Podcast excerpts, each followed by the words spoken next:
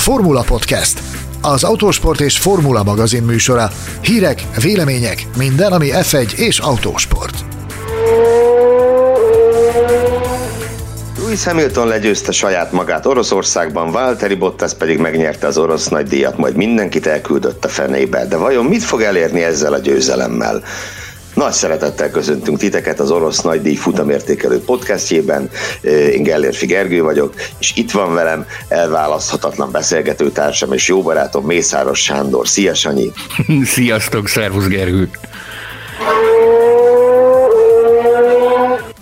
Hát akkor induljunk neki ennek, a, ennek az értékelőnek, bár Olvastam jó pár olyan véleményt a futam után, hogy ez a, a Spyhoz hasonló elképesztően izgalmatlan verseny volt, de meg kell mondjam így éjjel visszanézve az egészet, sajnos nem tudtam élőben megnézni, de éjjel visszanézve az egészet, én azért alapvetően jól szórakoztam, meg voltak itt a maga, maga érdekességei ennek a versenynek, mindenek előtt azt hiszem, hogy a Mercedes házatáján.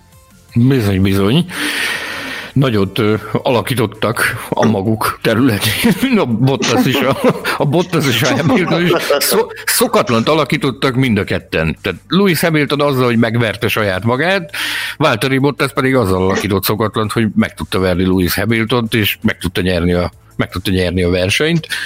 Ö, mindenképpen ö, csatlakozom hozzád azzal a véleménnyel, hogy megvoltak ennek a versenynek is a maga szépségei és a maga, maga sztoriai, bár ugye Szocsit hajlamosak vagyunk berakni, és nagyon nehezen vesszük ki abból a boxból, hogy a, a legunalmasabb helyszínek egyike.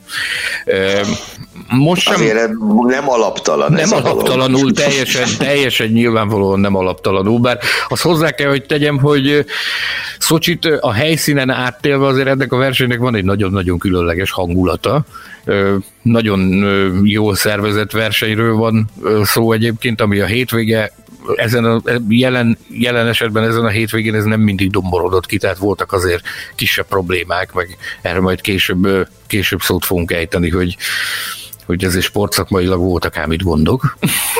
De... Amikor láng, lángolt az az autó vasárnap, erre gondolsz mm, például? Konkrétan igen, egyebek mellett arra meg hiányzott onnan egy főfestés, aminek normál esetben bár nem kötelező, de azért jó lett volna, hogyha ha fel van festve az a az a bizonyos rajgyakorlatot, a rajgyakorlat helyszínét megjelölő box, amit azért a pályák és a helyszínek túlnyomó többségén azért felfestenek. Nem kötelező, de, de nagyon sok helyen fel van festve, itt nem volt. Tehát, hogyha az ott, ott fel van festve, akkor lehet, hogy egy kicsit kevésbé lett volna bonyolult ez a, ez a vasárnap délután. De mindazonáltal azt kell mondjam, hogy köszönjük a Mercinek, hogy, hogy ezt csinálták, mert azért ez, ez csempészet kétségkívül némi izgalmat, vagy mondjuk fogalmazunk úgyhogy érdekességet ebbe a vasárnap délutánba.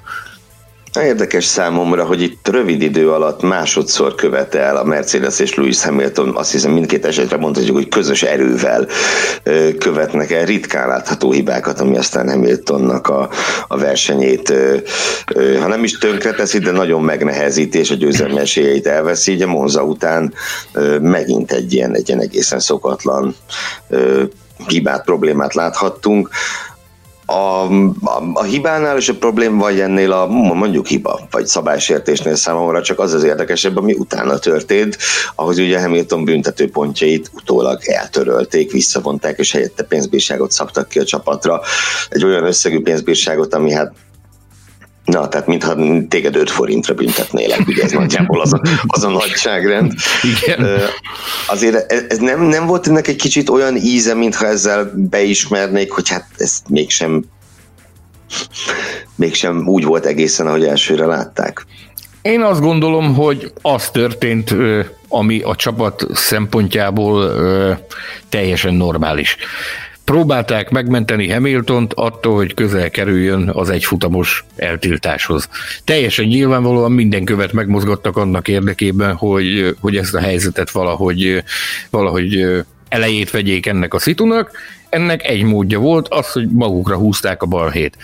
Ugye azt a Michael Maisie versenyigazgatótól azt mindig halljuk, hogy a stewardok is, a versenyirányítás is abszolút nyitott a párbeszédre, nem történt más, mint hogy ők fölmentek a, a, a versenyirányításba, és elmondták a stewardoknak, hogy, hogy a pilóta azért követte el a hibát, mert ők rossz utasítást adtak neki. És ezt ugye az indoklásból ez ki is derül, hogy visszahallgatták a, a rádiókommunikációt, ami egyébként elérhető a, a, a Forma 1 a különböző közösségi médiás csatornáin is, és az alapján tényleg egyértelműen kiderül, hogy rossz instrukciót adtak a Hamiltonnak. Az már egy másik kérdés, hogy azért Hamiltonnak ennyi év után az, az egyszerűen elképesztő, hogy nem tudta, hogy ezt, ezt hogy kell csinálni, vagy hol kell csinálni.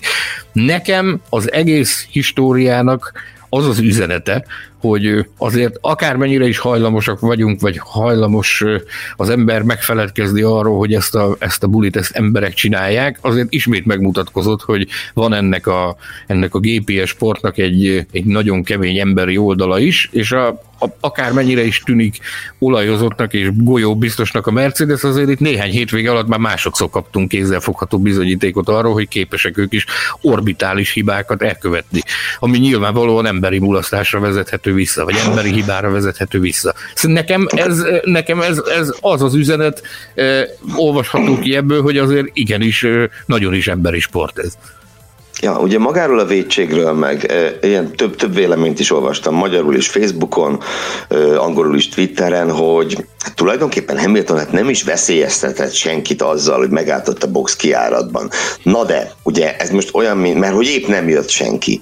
De hát ez olyan, mint állok a pirosnál, körbenézek, nem jön senki, akkor átmegyek rajta, mert nem jött senki. Tehát ez, ez nem így működik. És a box kiáratban szándékosan megállni, ilyet nem lehet csinálni, pont. Tehát szerintem nincsen, azért alapvetően nincsen kérdés, hogy itt miért miért volt szabálytalan, meg miért kapta a büntetést. Teljesen, ez teljesen nyilvánvaló. Az, hogy ez most az ő hibája, vagy a csapaté, igen, igen, legyen úgy, legyen úgy, ahogy a végső ítélet hozta, hogy akkor ez a csapat hibája, és Hamilton nem kap büntetőpontot, mert amúgy ez a, hogyha tíznél járna, ugye úgy nézett ki Pár órát, hogy tíznél fog járni, az már olyan aggasztó lenne, nem? Bizony, ott már elég egy, elég egy komolyabb feltartás valamelyik szabad edzésen. Az zászló, bizony, igen, igen. Bizony, ahhoz, hogy meglegyen az egy, egy futamos eltétes, viszont az is az emberi részét támasztja alá. Nekem az a fajta kényszeredett magyarázkodás, amit, amit lenyomtak a futamot követő első egy-két órában, beleértve Toto Wolfot is és a hamilton is. Hamilton azzal érvelt, hogy ő ezt mindig így csinálja. Tényleg? Hát akkor, ha ezt mindig így csinálta volna, hogy 300 méterrel a kijelölt helytől csinálja, akkor ezt valószínűleg már korábban is észrevették volna, meg korábban is lett volna ebből, ebből mizéria.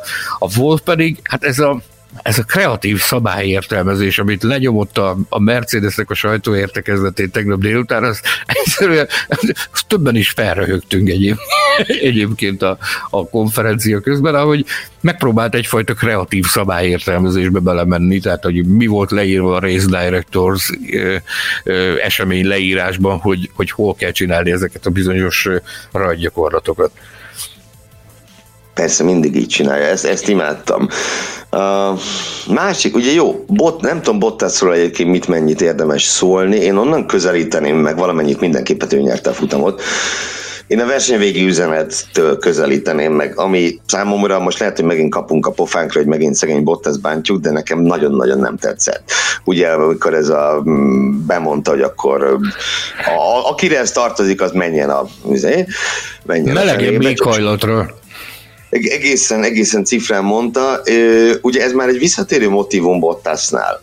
Amikor ez először előjött, az a tavalyi idénynyitó volt, Bizony. ahol valóban egy kiváló teljesítménye győzött, azok után, hogy őt szétgyalázták egész télen, és azt mondom, hogy akkor nekem ez akkor baromira tetszett. Képzeld el, hogy... Akkor ez bocs, csak egy izé gondolat, hogy és szét vagy rugdalva fél éven át, megjössz, nyersz, oké, okay, menjetek a fenébe. De most, hát Hol volt itt a, a világra szóló teljesítmény pontosan? Képzeld el, hogy azt a bizonyos versenyt, ezt a 2019-es Ausztrál díjat, ezt a menedzserével Didier Cotonna néztem együtt a Mercedes Hospitality-ban, meghívott a jó Didi, hogy nézzük együtt a versenyt, és ugye teljesen fel volt vidóva, ünnepelt, le nem lehetett, hatalmas vigyor volt az arcán az öreg menedzsernek, és amikor ez elhangzott ez a mondat, akkor egyszer csak rám nézett, és lefagyott az arcáról most, hogy erre még ő sem volt felkészülve, hogy ennyire kemény az oda, oda szól a Valtteri a, a bírálóinak akkor abban a bizonyos levezetőkörben, és ez most megismétlődött, csak sajnos nem ugyanaz volt a kontextus. egyáltalán nem ugyanaz volt a kontextus. Tehát megnyert egy olyan versenyt, ahol a, a, a, a legnagyobb betétársa ö, gyakorlatilag ö, elintézte saját magát, ezzel dobta a győzelmi esélyeket, hozta a kötelezőt a, a létező legjobb autóval amiben, amiben ülhet. Én azt gondolom, én nekem egy picit ugyanolyan értéke van ennek a, ennek a dobogós helyezésnek, mint a, vagy ennek a győzelemnek, mint az albonféle dobogós helyezésnek Mugello-ban. Hogy ő is behozta azt a dobogót, miután mindenki kiesett, meg mindenki eltűnt előle, aki azt a dobogót, azt a dobogót behúzhatta. Nyilvánvalóan oda kell érni, el kell jutni odáig, és meg kell csinálni, ezt nem vitatjuk.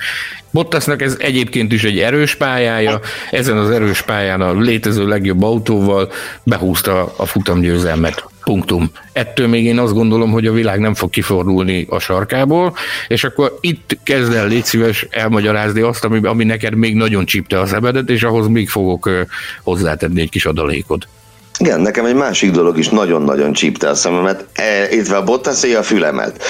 Ö, utána viszont ugye jött a túloldal, a Hamilton oldal, amikor megálltak a box utcában. Ugye egyrészt ahogy azt te is kiemelted nekem itt a adás előtti beszélgetésben, hogy Bottas még a kezét se tudta fölemelni, hogy kicsit örüljön, Hamilton már odaugrott, és mint egy emlékeztette, hogy ha itt vagyok, és akkor nyilván gratulált neki szépen, majd mit csinált Hamilton? Oda ment a mérleg mellett, ugye van az a három kis pulpitus, amire a sapkák, törölközők, ezek ki vannak rakva, odaállt a középsőhöz, amire egy böszmen nagy egyes szám volt festve, és szépen elvette onnan a cuccait. Pontosabban Bottas cuccait, Bottas meg át mögötte, kicsit széttárt karral, hogy na ez meg mi volt. Ö, értem én, hogy miért csinálja Hamilton. Mert azt azért nem mondja senki, hogy véletlen, vagy hogy ő megszokta, hogy mindig az, az, az, mindig az az övé, az az egyes, az az övé. Ez, ez, ez nettós hútyóság volt, és teljes, nyilván teljesen érthető, hogy miért, hogy Bottasnak egy pillanatig se, el se hihesse azt, hogy ő itt ő itt a valaki. Pontosan, tehát ez véletlenül sem forduljon meg senkinek a fejébe, hogy ő ott véletlenül valamit elnézett, és azért vette el onnan a cuccokat. Tökéletesen jól tudta, hogy hogy lehet abban az emelkedett pillanatban, amit a Bottas ott megél, hogy lehet abba belerondítani, vagy belepiszkítani, bevinni neki egy. Ez egy nagyon nehezen észrevehető, de nagyon kemény gyomros az ilyen, mint arról Bottasnak az, Bottasnak az arc kifejezése is árulkodott. Én azt szoktam mondani, hogy pontosan ezek azok az apró kis nüanszok, azok az aprócska kis dolgok, amik, amik a Bottasból hiányoznak. Ez a fiú egész életében azt tanulta, hogy neki tisztességesen és becsületesen kell mindent végigcsinálni, ezt az apukájától számos alkalommal hallhattam személyesen is, és mindent próbál tényleg úgy csinálni, hogy a, a, a pályán és tisztán dőjenek el a dolgok, de sajnos ez ide kevés. Ugye kaptunk olyan bírálatokat a Formula Podcast csoportban, hogy igen, mert mi hajlamosak vagyunk egy pipogyának beállítani Bottas. Nem, nem, nem, nem, nem. Ez egy, az a világon a legnagyobb tévedés. Mi mindig azt mondjuk, hogy a Bottas képes futamot nyerni, képes óriási dolgokat végrehajtani, csak az a csipetnyi plusz úgy tűnik egyre inkább, hogy hiányzik belőle, ami ahhoz kell, hogy helyzetbe hozza magát. Az ilyen apró kis aljas disznóságok, amit a Milton csinált vele tegnap. Vagy kaptunk olyat, hogy, hogy persze, mert hogy sokszor rá van kényszerítve a csapatnak a, az akarata, és, és olyan azok, ezek a bizonyos lépések hozzák őt olyan helyzetbe, hogy, hogy nem tud nyerni. Igen, de hát ezt ki kell politizálni magadnak házon belül, hogy, hogy ezek, a, ezek a, az instrukciók ne jöjjenek. Tehát ezek azok a az apróságok, amik érzésem szerint hiányoznak Valtteri Bottasból. Azt mondják, hogy soha nem késő ezen változtatni, ezért mondtuk legutóbb azt, hogy ha akar valamit kezdeni a 2021-es szezonnal, akkor azt most kell megalapoznia. Ez a győzelem, ez, ez egy nagyon jó alapot teremt erre, de egy kicsit talán többet kellene neki is piszkoskodnia Hamilton. Túlságosan tiszteli ezt. Eddie Jordan tökéletesen elmagyarázta abban az interjúban, amikor vendégül láthattuk őt a Formula Podcastben, hogy annak, aki győzni akar, annak át kell gázolnia mindenen és mindenkin mégpedig sokszor gátlástalanul. Mint láthattuk, ez a gátlástalanságnak az egyik, egyik nagyon komoly megnyilvánulása volt, amit tegnap a Hamilton csinált. Emlékezz csak vissza, 2015 USA nagy díj, azt hiszem, amikor a, a sapkadobálás volt Hamilton meg Rosberg között. Bizony. Ugye nem, az, nem az első ilyen sztori ez. És Rosberg is, ugye, Rosberg legalább visszadobta a sapkát, tehát valószínűleg ő már meglépte azt a, azt a lépcsőt addigra, pontosan. amit, amit Bottas még pontosan, nem. Pontosan, pontosan erről beszélünk. Tehát az egy nagyon jó ö, ö, inspiráció lehetne Bottasnak, hogy, hogy megpróbálja azt csinálni, amit Rosberg, csak hát ugye ahhoz kell egy habitus, hogy, hogy valaki erre fel legyen készülve, és ezt, a, ezt az egész hadjáratot ezt végig tudja csinálni, ez mentálisan is elképesztően erősnek kell. Ezzel egyébként nincsen baj, mert szerintem Bottasnak kötélből vannak az idegei, ezt már számos alkalommal mutatta, csak ez a fajta dörzsöltség emberek, ez az, ami, ami nagyon hiányzik, ebből kellene egy kicsivel több ebbe a jó emberbe, és akkor, akkor lennének itt házon belül izgalmak a Mercedesnél. Akkor lépjünk túl a Mercedesen, és válasszuk meg a hétvége emberét. Igazság szerintem, amikor beszél... Mondd ki. Várj, egy, ez kis, a... egy kis előzetest hat fűzzek ez a hozzá. tisztlet, hogy kimond.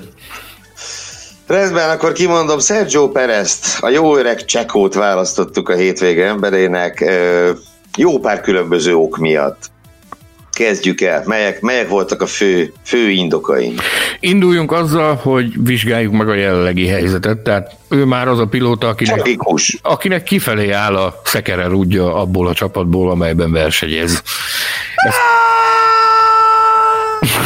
digitális kollégák is együtt egyetért velünk, tehát a Perez egy hát hogy is fogalmazzuk meg, egy nyilvánvalóan lelombozó helyzetben van, de hát ezt megpróbál erről nem tudomást venni, és megpróbál villantani, keresve a következő állomás helyét a, a Form 1 mezőnyben. Ez egy dolog. Kettő, halmozott a hátrányos helyzetű, mert nem kapta meg még azokat a fejlesztéseket, amivel Lance Stroll már második hétvége óta ö, autózott a a, a mezőnyben, tehát neki még az autóján nem voltak meg azok a fejlesztések. A, a harmadik, és ezt átadom neked, a, a szót, kedves Gergő, hogy mi volt az, ami a végső indítatást megadta ahhoz, hogy őt válasszuk a hétvége emberének, az pedig az hát volt, hogy... Futam talán legszebb manővere, amit ő, amit ő pontosan, bemutatott. Pontosan. Egészen, egész, egészen gyönyörű volt az előzéssel Ricardoval szemben, az a párharc, és számított. Ugye nagyon fontos, hogy nem csak úgy szép volt, hanem a negyedik helyet ennek köszönhette. Vagy végső soron ugye ez volt az, amivel ő, mm, amivel ő megszerezte ezt a pozíciót, és a végeredmény megnézzük, persze tegyünk oda egy lábjegyzetet, hogy Hamilton büntették, de tény, hogy negyedikként közelebb volt Hamiltonhoz, mint a mögötte végző Ricardohoz. Ami azért egy nagyon erős pozíció a végeredményben. Bizony, bizony, bizony. Tehát az az előzés, az minden kétséget kizáróan az, az szemegygyönyörködtető volt, ugyanakkor még, még vissza kell, hogy utaljak arra a szombati időmérőkörre, ami szintén a, szintén a káprázatos kategóriába tartozott, és nem is nagyon, nem hogy mi nem értettük, hanem, hanem bizonyos tekintetben még ő sem, ő sem. Nagy, ő sem nagyon értette, hogy az hogy sikerült összeraknia, de összerakta, és, és csodálatos rajtpozíciót fogott vele, úgyhogy ez újra egy, egy meg megnyilvánulása és megnyilatkozása volt annak, hogy a Perez azért képes üdítő szívfoltja lenni ennek a mezőnynek. Abszolút, és nagyon reméljük, hogy az is, az is fog maradni. Én legalábbis mérhetetlenül bízom benne. Ugye a lehetőségeit a múltkor kitárgyaltuk, úgyhogy ezt most ne, ne feszegessük hosszan. Maradjunk annyiban, hogy az, Günther Schreiner már most eljutottunk vele addig, hogy azt mondta csütörtökön az online sajtóértekezleten, hogy azért nem a valóságtól elrugaszkodott dolog azt gondolni, hogy a Perez náluk fog felbukkanni. Ezt azért sejteni lehetett, hogy ez a valóságtól nincs teljesen annyira nagyon távol, úgy egyáltalán. Na igen, de a másik, ami, ami nekem nagyon tetszik, mert ezzel kapcsolatban az az, amikor ránézek a bajnoki tabellára, hogy ugye a két kihagyott hétvége ellenére kapaszkodik, kapaszkodik, és, és most már lőtávolban 10 ponton belül van a negyedik helyhez képest. Ugye az a, az a negyedik hely, ami idén egy mindenképp egy úgy szólván egy alternatív világbajnoki címet jelent. Tehát ugye a Hamilton Bottas Verstappen 3-as mögötti ö, legjobb helyezés és erre, erre szépen-szépen kapaszkodik rá Perez. Ugye jelen pillanatban még Lando Norris foglalja el ezt a helyet, annak ellenére, hogy most nem szerzett pontot, de, de hát 10 ponton belül van a jó Sergio, úgyhogy Tegyük még hozzá azt, hogy... Így simán bocsánat, tehát hogy élete legjobb bajnoki helyezése néz ki neki idén. Tegyük még hozzá azt, hogy, hogy egy pontra van Strolltól. Ez is egy érdekes díj, tehát két futam minusszal egy pontra van a csapattársától, nem? Igen, igen, mindenképpen, bár ugye most, mm, bár ugye újabban én föl szoktam csapni a Stroll, Stroll védelmezőnek, de a két futam mínusz ugye kvázi Strollnál is meg volt, kétszer egymástan önhibáján kívül esett ki most, meg a, meg a Toszkán nagydíjon, de hát tény és való, igen, igen, hogy ott, ott van Stroll nyakán, Lökler nyakán, Ricardo Albon is, is lőtávolban van. Az az Albon, akinek ugye az ülésére pályáz, pályázhat legalábbis Perez beszélik ezt is, azt is, ahogy, ahogy a faluhelyen mondják. Egyébként ez, a, ez is szóba került ezen a hétvégén újfent több helyen, hogy akkor hogy alakulnak hogy alakulhat ez a, ez a dolog. Egyelőre senki nem mond semmit, úgyhogy, de abban arra mérget vehetünk, hogy, hogy Perez menedzsere Julian Jacobi a világon mindent meg fog próbálni annak érdekében, hogy valahogy belevarázsolja Perez az Albon ülésébe. Meglátjuk, meglátjuk, hogy lesz. Na beszéljünk tovább egy másik emberről, akinek az ülése az, az legalábbis kérdéses, hogy hol. Hol lesz, ha egyáltalán lesz, és ha nem csak otthon a nappaliában lesz neki jövőre. A hétvége meglepetése, nem kizárólag a hazai pálya előnye miatt, lehet, hogy egy icipicit talán ez is belejátszott, minden esetre Daniel Kviatot, Daniel Vyacheslavovics Vyacheslavovics. Köszönöm. Őt választottuk a hétvége meglepetésének, mert meglepett minket a teljesítmények ellenére. Több indoklás egy hétvége meglepetésénél. Igen, azért illene, ugye? Bizony, bizony. Ugye az utóbbi időben többször is mondtuk róla, hogy, hogy túlságosan szürke, és túlságosan kevés az, amit látunk tőle, meg mintha kezdene kiveszni belőle a lélek, és mintha már tudná azt is, hogy neki is kifelé áll a szekere rúdja a csapattól, ehhez képest most azért megrázta magát, és egészen elképesztő pillanatokat produkált a hét. Tehát a futam közben is volt, ha emlékeim nem csalnak, volt olyan, amikor a harmadik helyen is autózott, jó gondolom-e?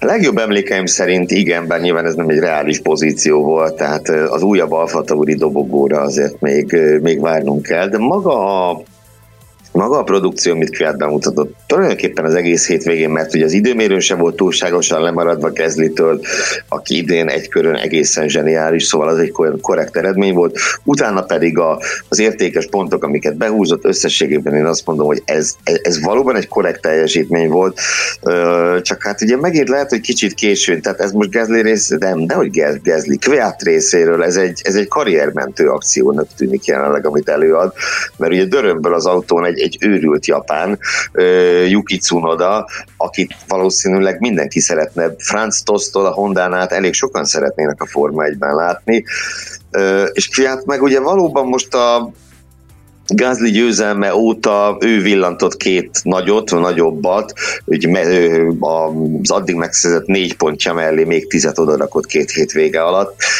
de ez a szezon egészét tekintve még mindig nem túl sok, ugye a futamonkénti pontátlag az 1,4, hogyha így fogalmazzuk meg, az azért nem sok, a, főleg nem, hogyha a csapattársad megfutamot nyer.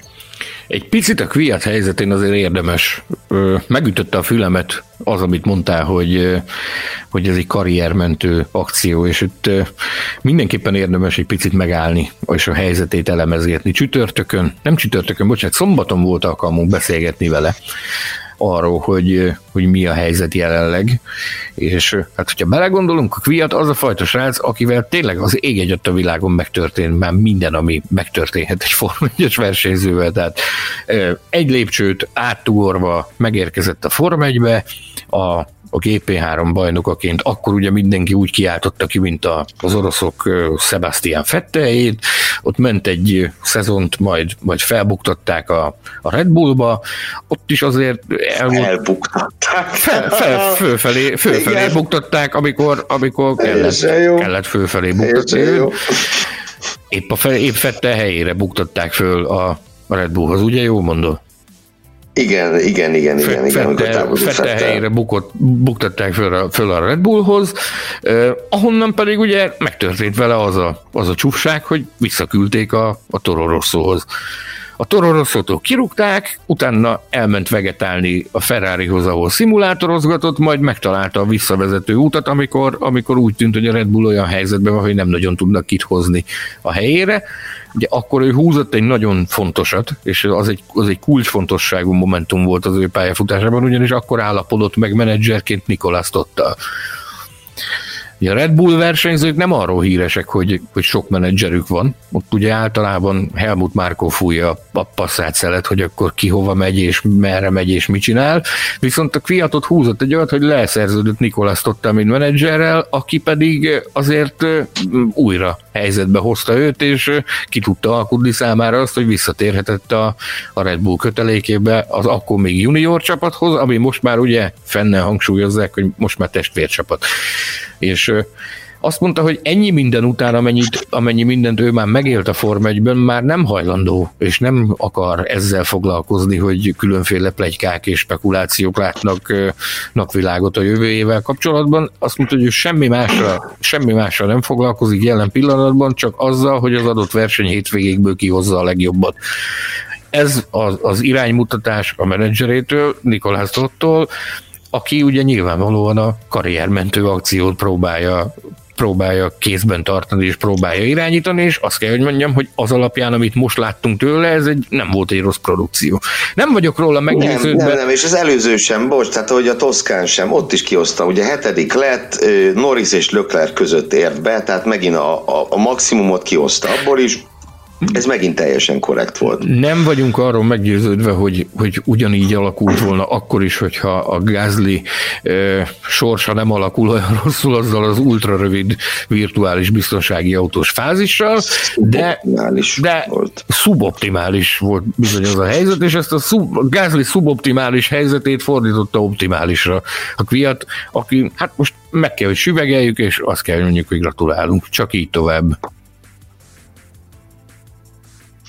Ámen. Nagyszerű. Akkor most nézzük, kinek nem gratulálunk. A hétvége csalódása. A McLaren. És hadd kezdjem én a, az indoklást. Légy szíves, bocsánat, add át a szót a digitális kollégának.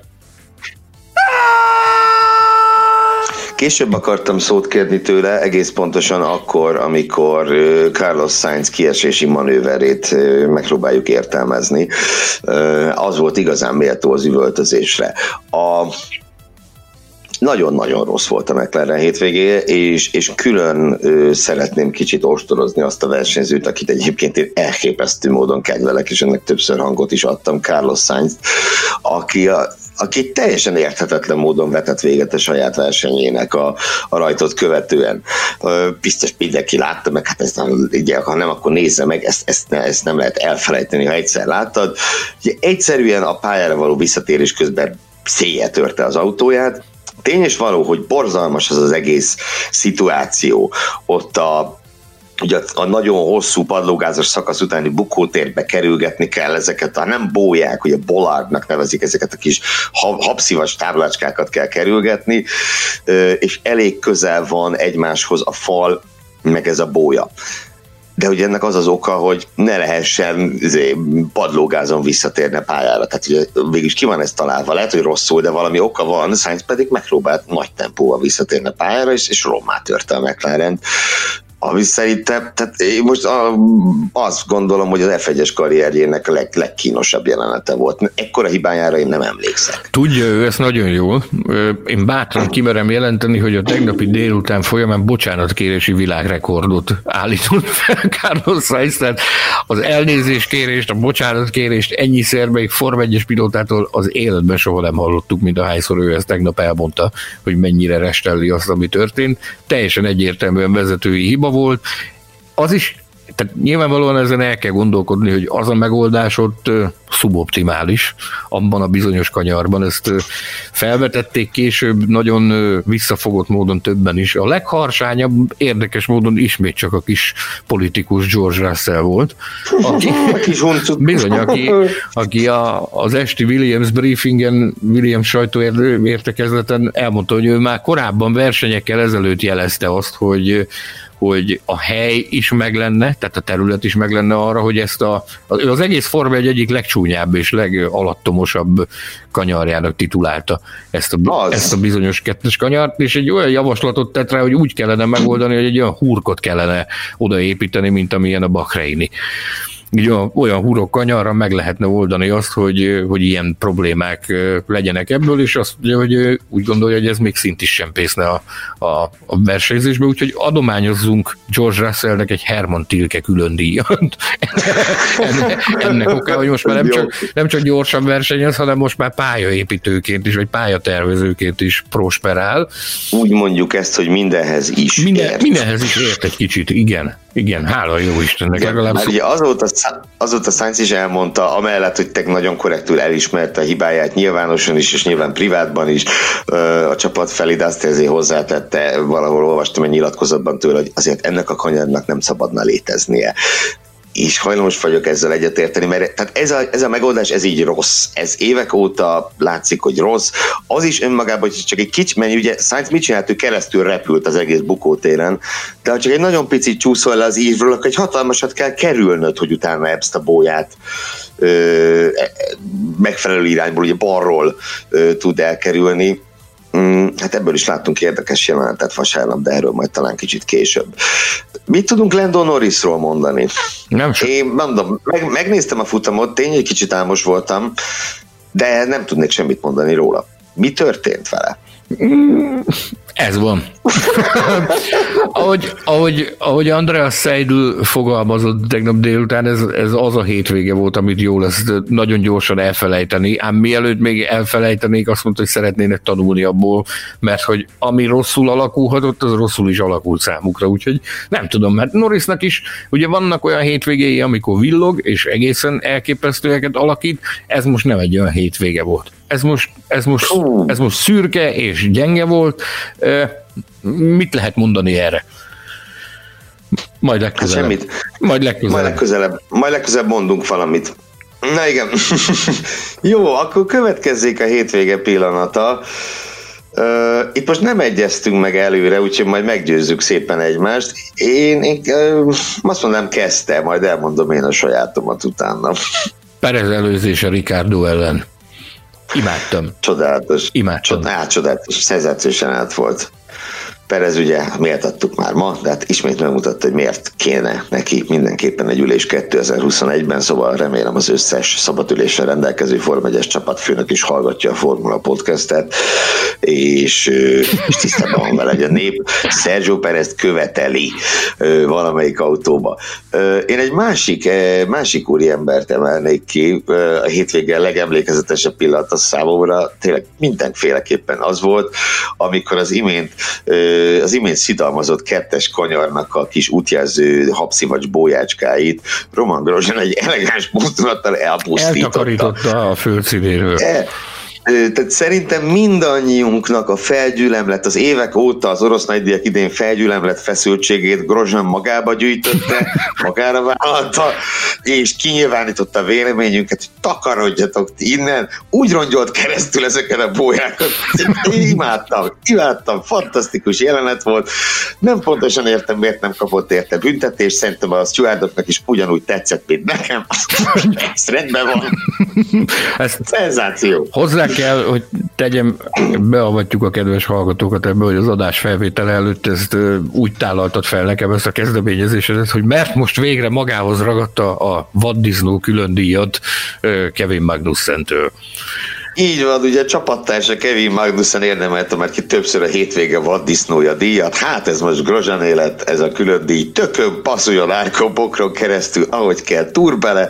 Ez zseniális volt. Én imádtam, imádtam. Kétségkívül emlékezetes jelenet volt ugyanakkor, hogyha lassan el, megérkezünk a külön díjakhoz, nem? Már hát majdnem, de még nem, Milyen még nem pusmorogtunk. Nem, pusmorgás, majd utána pusmorgunk a külön díjak után. Jól van, akkor osztogassunk külön díjakat. Oké, okay, én kezdem. Hajrá. Mivel, hogy mindig ütjük, vágjuk szegényt, és vaddisznónak, meg minden egyébnek tituláljuk Kevin Magnussen, most nem tudom, javasolj valami nevet ennek a külön díjnak, amit legyen rakéta külön díj? Hát torpedó, ha már nem, nem, nem, nem, vagyunk. Nem, nem, nem, nem, nem, ezt én nem szeretem, nem szeretem ezt a torpedózást, túl sok már belőle. Én a rakéta külön díjat szeretném adományozni Kevin Magnussennek, akit ö, tényleg nagyon sokat bíráltunk, meg kritizáltunk, meg ütöttünk, vágtunk az elmúlt adásokban. Most viszont csinált egy olyan rajtot, amit, aminek nekem felakadt a szemem. Megmondom őszintén, de az, ahogy, ahogy onnan eljött, az a fajta virtuózitás, tehát van ebben a fiúban tudás, van ebben a fiúban tehetség, én szeretnék több ilyet látni tőle, ameddig esélye van arra, hogy ilyeneket mutasson a Forma 1-ben, mint amilyen. Nézzétek vissza egyébként a, a, a Formula 1 hivatalos csatornáin több helyen is megjelent, még onboard felvétel is erről a rajtról, valami egészen elképesztő. 18. helyről jött fel talán a 9-re? 8-ra? Valami, valami ilyesmit. 18-ról 9-re egészen pontosan. Elképesztő volt. Hát, ez tényleg, tényleg szenzáció volt az, az, az nyilván egy szomorú dolog, hogy az autója képessége miatt ebből megint nem lehetett pontszerzés, de azért tegyük hozzá, hogy nézzük, kik futottak be mögötte, sorban Fettel, Raikkonen, Norris. Tehát ha bár pontot ezért nem osztanak, a végeredménnyel szerintem így is, ezzel a házszal így is elégedett lehet a végeredménnyel. Bizony, bravo Kevin Magnussen. Jó, akkor én pedig szeretném, a, hogy megfogalmaztuk a felvételet, a nagypapa külön díjat fölajánlani. A, a világ leggyorsabb ö, idősebb Fú, ezért, ezért mit fogunk kapni a pofánkra? Kimi ennek? Nagyon nagy szeretettel gratulálunk ahhoz, hogy, hogy egy újabb, újabb rekord fűződik a nevéhez, hiszen Ugye immáron ő egyelőre még Rubens Barrichello-val holt versenyben, de csak a Nürburgringi futamig a legtöbb nagy díjon rajthoz álló Formula 1-es pilóta, 322, hát az nem, hogy gombócból sok, de gyakorlatilag bármiből Mindenből. nagyon sok a 322. Egészen elképesztő. Forintból nem, de azon kívül mindenből. Ö, hihetetlen számok. Kicsit böngészgettem, 2001, ugye, amikor ő debütált. Mika Häkkinen még a Forma 1-ben volt. Jacques Villeneuve a Forma 1 karrierje felénél járt. Damon Hill egy bő éve, évvel korábban vonult vissza. Mihály Schumacher csak háromszoros világbajnok volt, és ugye vele együtt mutatkozott be egy bizonyos Juan Pablo Montoya többek között, meg egy bizonyos Fernando Alonso is, de Alonso annyira nem megdöbbentő, mert ő is már megint visszajön, ugye ilyen visszajáró lelkek, de hát Montoya 14 és fél éve távozott a Forma 1-ből. Raikkonen meg itt van. Elképesztő, tényleg csodálatos az egész. A, a Paul Stoddart akkor vette meg a Minardit. Bizony. Az hol, hol van már? Mi? A posztodát, Aminárdi az egész hó bele van szól van már. Elképesztő. Abban a, abban a korszakban kezdtem én is az ipart. Egyébként akkor, akkor tettem meg az első szánypróbálgatásaimat, és hát egy egészen, egészen egyedi jelenség volt, a, ő, amikor megérkezett ez a tejfelszőke fiatal finn gyerek. Ugye mindenki őt úgy könyvelte el akkoriban, hogy Mika Hakinen ajánlására tehát azért Hákinen akkoriban állítólag sokat tett annak érdekében, hogy, hogy a Forma 1-ben is felfigyeljenek rá. Ugye utána, annak idején, amikor a McLarenhez szerződött, akkor ezt Hákinen igyekezett úgy, úgy tálalni, hogy hát azért távozik, hogy átadja a, fi, a helyét a fiatalabb generációnak Kimi Räikkönennek, aki ugye egy Sauberes szezon után mhm. érkezett a, a, a McLarenhez, és közelmúltban olvastam egy, egy hallottam, nem is emlékszem már, egy nagyon érdekes megnyilvánulását a Räikkönennek, azt mondta, hogy megnyugtatok mindenkit, nem azért vonult vissza, hogy én ülhessek, én ülhessek be a McLarenbe. Tehát, kezd, tehát ennyi, ennyi, ennyi minden után most már azért a, a humorérzék is kezd olyan szintre jutni, hogy az, az tényleg élvezetes, meg hát ez 322 futam emberek. Hát ez valami elképesztő. Döbbenet. Döbbenet. És akkor még egy, bocs, még egy név eszembe jutott, itt muszáj kiemelni, ugye egy évvel korábban érkezett a Forma 1-be Jenson Button. Egyetlen évvel korábban, aki szintén baromi fiatalon érkezett meg, és már jó pár éve távozott. Bizony. Raikkonerről pedig ugye azért azt is említsük meg, hogy egyre inkább arról szólnak a hírek, hogy bizony maradni fog. Tehát, hogy ez nem itt lesz még a sztorinak a vége. A svájci Blick hozta ezt az információt, hogy, hogy nagyon közel van már a pillanat, amikor bejelentik azt. Ugye én a múltkor azt jósoltam, hogy szerintem nem fog maradni, tehát nem marad, nem folytatja, elege lesz és távozik. Én örülök annak, hogyha a rám cáfol és, és marad a mezőnyben. A svájci Blick szerint valamilyen szintű megállapodás az már létrejött a színfalak mögött, a, a bejelentés az még nem történt meg. Ugye erre is sokszor hajlamosak vagyunk legyinteni, hogy ugyan már az csak egy bulvárlap, maradjunk annyiban, hogy ott szintén egy egy nagyon komoly veterán Roger Benoit, a, a Form 1-es tartalmaknak a szállítója és szerkesztője, akinél uh, kompetensebb ember Sauberes ügyekben szerintem nem lehet elképzelni a világot, tehát sokszor hamarabb tud dolgokat, ami a Sauberrel történni fog, mint maga a Sauber, tehát ilyen, ilyen kvalitású idős kollégáról beszélünk, úgyhogy ha, ha Roger Benoit azt mondja, hogy Rijkönen maradni fog, akkor szerintem jó okunk van arra számítani, hogy ez a bizonyos sajtóközlemény rövidesen meg fog érkezni a szerződés hosszabbítással kapcsolatban. Várjuk, és kíváncsian figyeljük, hogy hogyan alakulnak a dolgok, és hát tényleg kalapot emelünk a, a veterán előtt, le a kalappal Kimi. Sajnos most nincs itt nálam a kedvenc szalmok alapom, de biztosan megemelném, ha itt lenne. Na jó, akkor, akkor, akkor miről kéne még beszélnünk? Sebastian Fetterről valamit szeretnénk mondani? Rendben. Jó, akkor a hétvége pusmorgása következzen. Megint több érdekes sztorink van. Sándorom, mint a pusmorgások avatott szakértője, melyiket választanád a, leg, a legfontosabbnak? Stefano Domenicali lesz a, a Forma 1 vezérigazgatója januártól, ami annyira nagyon nem pusmorgás, mert a bejelentés is megtörtént már. A, a bejelentésnek a, és a döntésnek a háttere az, ami, ami, ami igazán érdekes. Az, az a futyorgás. Ezzel kapcsolatban én komoly energiákat fordítottam erre az utóbbi napokban, hogy egy kicsit benézek a színfalak mögé, hogy itt ez hogy is történt, meg mint is történt, és több forrással is beszéltem, és egyértelműnek tűnik most már az, hogy, hogy mi is zajlott itt az elmúlt időszakban. Tehát itt, itt az első lépés az, volt, hogy, hogy a FOM Toto Wolfot szemelte ki erre a pozícióra, hogy, hogy átvegye a Chase Carey pozícióját 2021-től, ezt maga Wolf is elismerte. Ugye tett rá utalást, hogy, hogy voltak kezdeti megbeszélések, ezt, amit én hallottam, azt egy kicsit többről van szó. dolog ott azért egészen mély megbeszélések zajlottak Toto wolff viszont ezt kiszimatolták a, a Ferrari-nál, hogy hogy egy Mercedes kötődésű ember érkezhet a, a, a Forma 1 az élére. Itt megint csak vissza kell utalnunk arra a nyilvános kommentre, amit Mattia Binotto adott a, az egyik brit tévétársaságnak, hogy igen, nekik ez csípte a szemüket, hogy, hogy esetleg Wolf veheti a kezébe a karmesteri pálcát, ők úgy gondolták volna, úgy gondolták, hogy ez nem etikus, úgy fogalmazott, hogy ez, ez történt volna abban az esetben is, hogy szót emelnek a vétó jogot használva, kifogást emeltek volna az ellen is, ha mondjuk Christian Horner próbálta volna a FOM beszervezni Chase Carey helyére.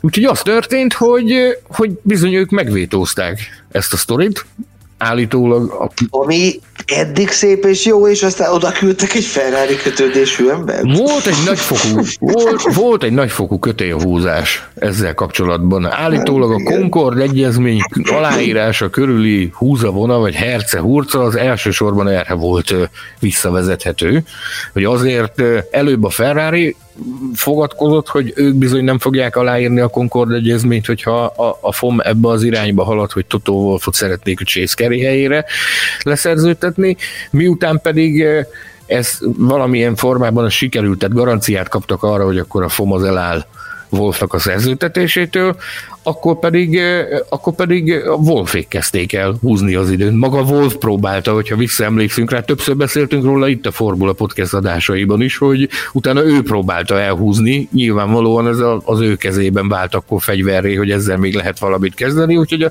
a kötélhúzásból az sült ki, hogy, hogy találtak egy köztes megoldást.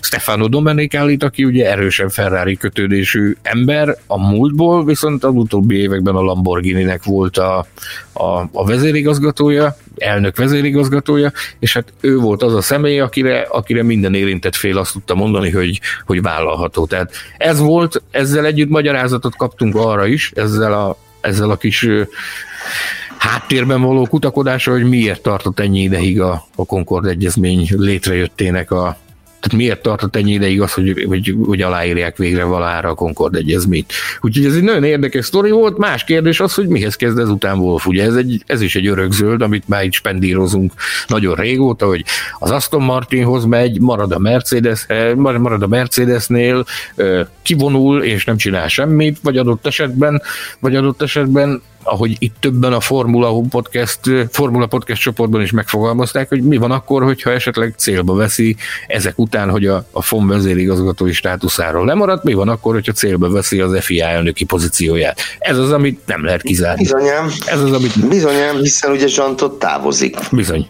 Igen ami nem is, egyébként egy szempontból nem is akkora baj, ezt, ez is fölmerült rengeteg helyen, tehát nem nekünk jutott eszünkbe, de hogy azért csak pikáns, hogy Zsanto Tefi elnök, Ross Brown, utána Stefano Domenicali, tehát nem tudom, még a Montezemorónak kéne megjönnie, és akkor egy ilyen Ferrari All-Star Dream Team állna össze a Forma egy élén. akkor is, hogyha Domenicali valóban ugye rivális Lamborghini-nél dolgozott később, minden, de ez csak kezd már olyan, olyan ke, kezdhetően kellemetlen szájízt részt okozni, hogy, hogy nagyon egy irányból jönnek az emberek. Persze nyilván se felejtsük egy rossz hogy a Mercedes-t is megjárta, csak onnan nem olyan boldogan távozott. Amit én kifejezetten érdekesnek találtam, az az, több forrásból is ezt hallottam, hogy Stefano Domenicali személyére talált ki, hogy kitett először javaslatot. Na? Bernie Eccleston. Nem. Képzeld. Vicceltem. A, az a Luca Di Meo, aki, aki a Renault-nak a, Renault, az irányítását megállt. Ugye, amikor Luca Di Meo érkezéséről hallottunk, először valamikor az év elején, hogy ő fogja átvenni a Renault koncernek az irányítását, akkor azért olyan plegykák terjengtek vele kapcsolatban, hogy hát nem biztos, hogy ő a Forma 1-et nagyon fogja preferálni, vagy a Forma 1 szerepvállalást nagyon uh-huh. fogja díjazni. Ehhez képest ugye nagyon úgy tűnik, hogy egy ambiciózus és kreatív ember ugye most fogja átkeresztelni a, a saját versenycsapatát, már ebbe ilyen szinten beleszólási joga volt, vagy, vagy ilyen szinten aktív, aktív volt a tárgyalások során, hogy ő maga tett javaslatot Stefano Domenicali személyére, mert ők valahonnan ismerik egymást, több ízben dolgoztak együtt korábban, hogy hol, azt ne kérdezve, azt nem tudom megmondani, de a két ember között jó kapcsolat van, és ő volt az, aki, aki letette az asztalra ezt a javaslatot, hogy mi lenne akkor, hogyha ha, ha Stefano Domenicali lenne a FOM-nak a vezetője, vezetői tapasztalata bőségesen van, kapcsolatrendszere szerteágazó, és talán mindenfél számára vállalható, és ez lett a megoldás. Úgyhogy ez egy, ez egy érdekes, érdekes folyamánya, vagy szösszenete ennek a történetnek, hogy, hogy Luca Di Meo az egy ennyire aktív ember lett a Form 1 fronton, holott korábban azt hallottuk, hogy ő lesz az, aki talán majd jön, és akkor lelövi itt az egész bulit, és vége a Renault Form 1 szerepvállalásának. Hát, ha valaminek ennek aztán nagyon tudunk örülni, hogy nem így történt.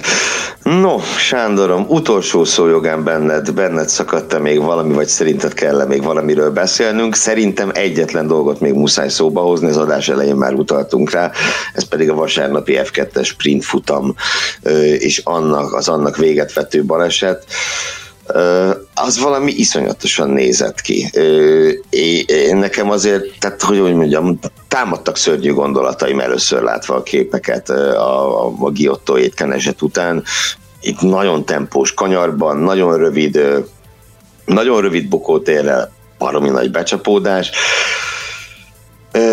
és hát igen, hogy a Forma Podcast csoportban is többek között Móni Istvánnak köszönhetően szó esett a sportbírók tevékenységéről, hát mindenképpen furcsa volt azt látni, hogy lángol az autó, a versenyző szerencsére kiszállt, és sehol senki. Bizony, bizony, bizony, bizony. Nagyon többen is megjegyezték, eh, míg Forma 1 versenyzők is megjegyezték, hogy általános döbbenet ült ki az arcukra, amikor azt látták, hogy lángol az autó, és senki nem csinál semmit. Tehát ezért er, itt erre tettem utalást az adás elején, hogy azért voltak hiányosságok, meg, meg voltak itt, itt kisebb, nagyobb problémák. Hát ez a nagyobb problémák kategóriájába tartozik, hogy teljesen tanástalanok voltak a, az, az orosz sportbírók. Talán itt lenne a, az ideje annak, hogy az orosz sportbírók a magyar kollégákhoz forduljanak, majd a magyar kollégák megmutatták azt, hogy hogy, hogy kell helyesen eljárni egy ilyen, egy ilyen helyzetben. Maga a, a baleset maga a crash, hát az valami elképesztő, tehát az, az, a, döbbenet, az a döbbenet kategória,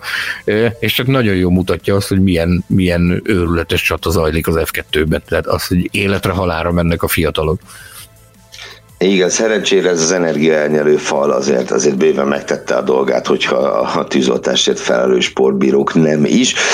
Ö, igen, igen, igen. És ugye az F2 tabellájára, ha ránézzünk, ugye most egy nagy szünet következik, és majd a két Bahreini hétvégén fog zárulni a szezon, akkor azt látjuk, hogy Mick Schumacher fölényesen vezet Ferrari és akadémista társa Callum előtt, úgyhogy nem kizárt, hogy Mick Schumacher az F4 és az F3 után az F2-ben is bajnoki címet szerez mindenhol, minden helyen másodévesként. Egyre. Szeretnél ehhez hozzáfűzni valamit? Esetleg? Azt szeretném hozzáfűzni, hogy több helyről is hallottunk olyat a hétvége folyamán, hogy ugye Mugello-ban nagyon szerették volna versenyautóba ültetni, tehát legalább egy FP1-re, tehát szerették volna FP1-es tapasztalatokkal felvértezni Mick Schumacher, de az akkor, akkor éppen nem jött össze. Talán éppen erre hivatkozva, hogy még, még azért vannak F2-es futamok, ahol, ahol helyt kell állni. Most viszont a hosszú szünetre való tekintettel, hogy az F2-ben ennyire, most a 9 hét, vagy nem is tudom, egy 9 hetes szünet, 9, 9 hét szünet következik náluk.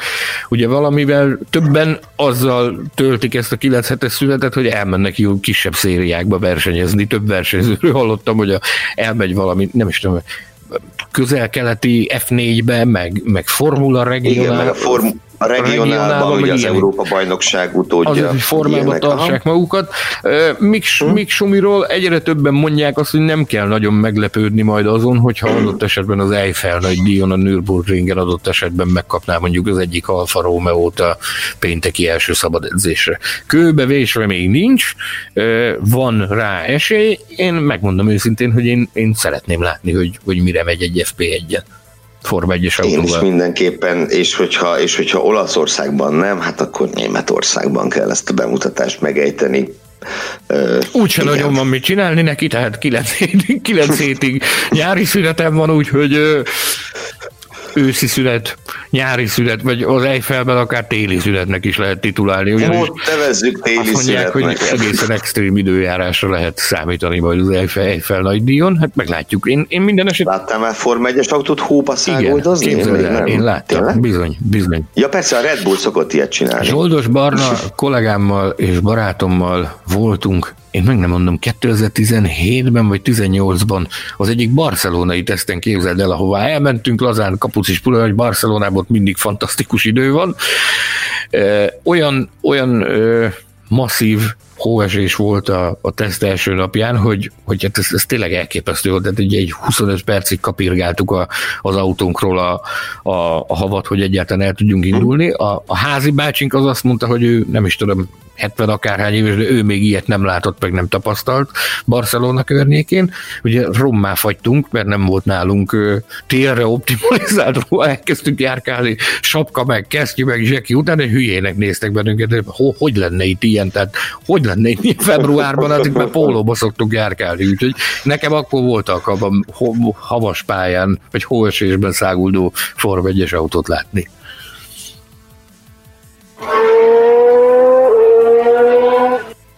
Nagyon szépen köszönjük a megtisztelő figyelmeteket, és reméljük, hogy tetszett mindaz, amit itt összehordtunk nektek az orosz nagydíjról.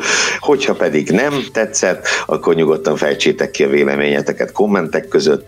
Mindenek előtt a Formula Podcast Facebook csoportot javasoljuk erre, ott ugyanis egészen biztosan eljut hozzánk minden üzenet. A magam részéről nagyon köszönöm Sanyinak is az együttműködést, és a hétközi adásban pedig szintén találkozunk majd, ahol a ti kérdéseitekre fogunk válaszolni. Sziasztok! Sziasztok! Sziasztok, ciao. Formula Podcast. Az autósport és formula magazin műsora. Hírek, vélemények, minden, ami F1 és autósport.